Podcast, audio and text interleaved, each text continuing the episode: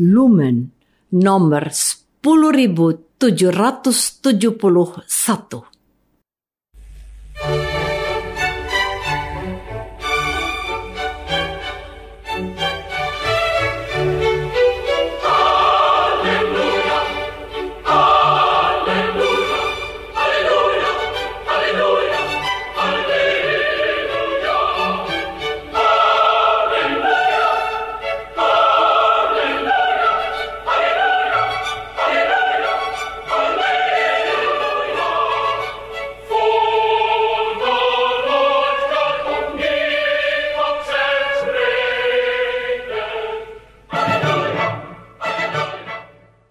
Saudara pendengar di segenap penjuru tanah air, selamat bergabung dengan Lumen Indonesia.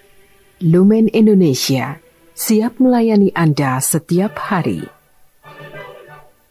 Saudara terkasih, marilah kita bersatu dalam Tuhan kita Yesus Kristus yang tidak berubah dahulu, sekarang, dan selama-lamanya. Allah Sang Maha Rahim mengasihi dan menerima sebagaimana adanya kita Allah Bapa kita di surga senantiasa bersedia menolong, menghibur, dan meneguhkan kita dalam menghadapi segala permasalahan hidup sehari-hari.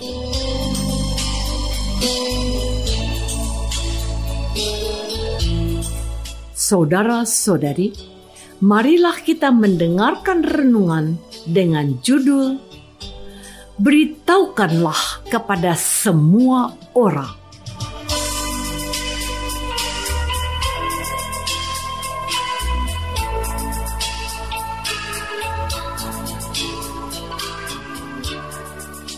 yang berdasarkan pada Injil Markus bab 5 ayat 19.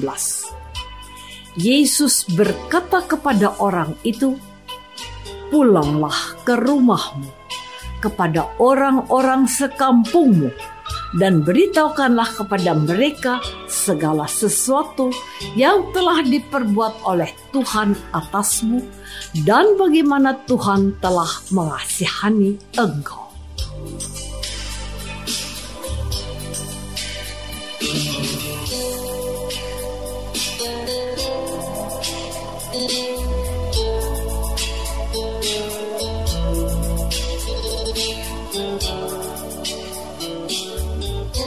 Dalam nama Bapa dan Putra dan Roh Kudus. Amin. Saudara-saudari terkasih dalam nama Tuhan Yesus Kristus.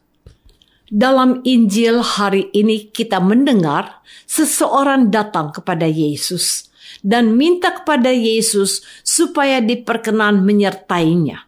Orang ini adalah orang yang disembuhkan oleh Yesus dari kerasukan roh jahat. Roh jahat yang memasukinya bukan sembarang roh, tetapi berbagai jenis roh jahat. Jumlah mereka itu sangat banyak. Karena jumlah mereka yang sangat banyaknya, maka mereka disebut legion. Waktu orang Gerasa itu kerasukan roh jahat, tidak ada seorang pun yang dapat menangkap dan menjinakkan orang itu. Sebab kekuatan sangat dahsyat. Bahkan rantai sekalipun mampu diputuskannya. Tindakannya pun sangat meresahkan masyarakat di sekitarnya. Selain bertelanjang, dia suka berteriak-teriak dan memukuli dirinya dengan batu. Tetapi aneh bin ajaib. Roh jahat yang begitu banyak takut kepada Yesus. Roh jahat itu minta supaya Yesus tidak menyiksa mereka. Yesus mengabulkan permintaan mereka dan memindahkan roh-roh itu ke dalam babi. Tindakan Yesus itu membuat dia menjadi waras dan mau berpakaian. Saudara-saudari terkasih, setelah sembuh dari penyakitnya, orang itu datang kepada Yesus dan meminta kepadanya agar dia diperkenankan untuk mengikutinya. Lalu, apa jawab Yesus? Yesus berkata, "Pulanglah ke rumahmu kepada orang-orang sekampungmu dan beritahukanlah kepada mereka segala sesuatu yang telah diperbuat oleh Tuhan atasmu dan bagaimana Tuhan telah mengasihani engkau. Mengapa Yesus berkata demikian? Apa maksud perkataan itu? Yesus mau mengatakan kalau kita sudah mengalami kasih Allah, pertama-tama yang perlu kita lakukan adalah membagikan pengalaman itu kepada keluarga. Setelah itu, orang sekampung atau orang yang dekat dengan kita. Yesus mau mengatakan dan menasehatkan kita bahwa untuk mengubah dunia mulai dari diri sendiri. Kalau dalam diri kita sudah terwujud, lalu kepada keluarga, selanjutnya orang di sekitar. Kalau kasih Allah itu sudah dialami keluarga, baru kita bagikan kepada sesama. Jangan sampai kita sibuk mewartakan keluar, tetapi keluarga sendiri diabaikan. Saudara-saudari terkasih, untuk mewartakan pengalaman akan kasih dan kebaikan Allah bukanlah hal yang gampang, apalagi kita pernah mengalami pengalaman yang jelek. Orang-orang akan sulit percaya. Yesus sebetulnya tahu akan hal itu. Karena itu, Yesus pernah berkata bahwa seorang nabi tidak dihormati di negerinya sendiri. Mengapa sulit diterima? Karena kalau orang sudah punya pandangan jelek terhadap seseorang, sulit sekali untuk melupakannya. Orang akan berkata, "Mengapa kita mendengar perkataan orang gila?" Tetapi justru itulah tantangan yang harus kita hadapi. Kita berani atau kita takut menghadapi tantangan itu ataukah kita menyerah pada kenyataan? Kalau hal itu yang terjadi, kasih Allah itu tidak akan mungkin bisa dialami oleh saudara-saudara kita. Kita harus berani mewartakan kasih itu, walau ditolak sekalipun. Kita tunjukkan kalau kita sudah berubah oleh karena kasih Allah. Kalau kita berani dan tetap berjuang gambaran negatif secara pelan-pelan akan hilang.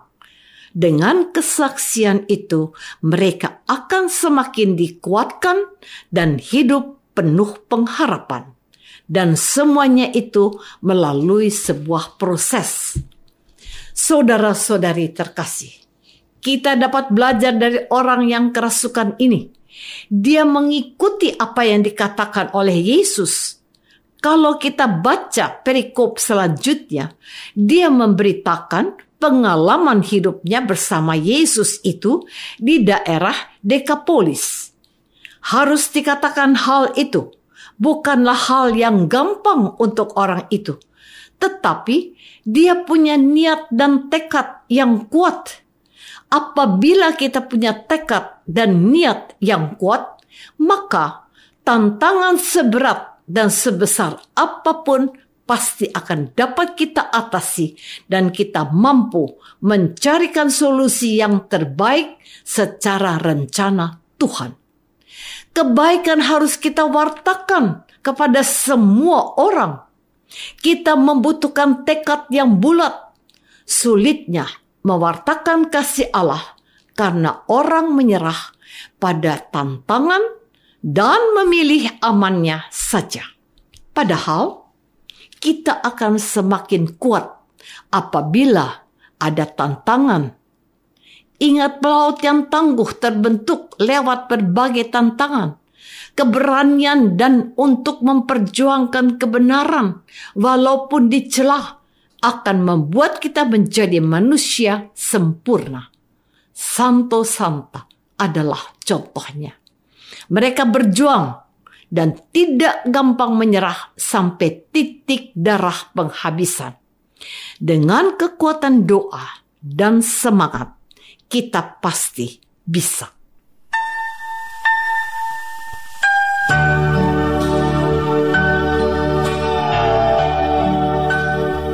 Saudara terkasih, marilah kita masuk dalam saat hening sejenak untuk meresapkan renungan yang baru saja kita dengar bersama dalam kehidupan iman kita masing-masing.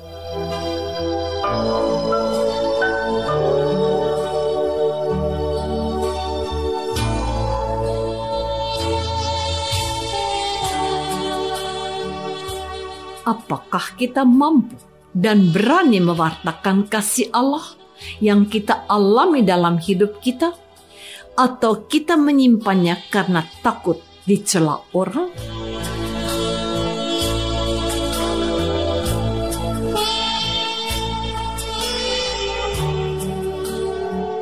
Marilah kita berdoa. Tuhan Yesus Kristus, kami sering kali takut mewartakan pengalaman kasih pada semua orang karena kami takut dicela. Tetapi dengan sabdamu hari ini, kami semakin mampu dan semakin berani mewartakan kasihmu. Pertama-tama pada keluarga, lalu kepada orang-orang di sekitar kami. Doa ini kami persembahkan dalam namamu, Tuhan dan pengantara kami. Amin. Semoga kita semua selalu dinaungi dan dibimbing oleh berkat Allah yang Maha Kuasa, Bapa dan Putra dan Roh Kudus. Amin.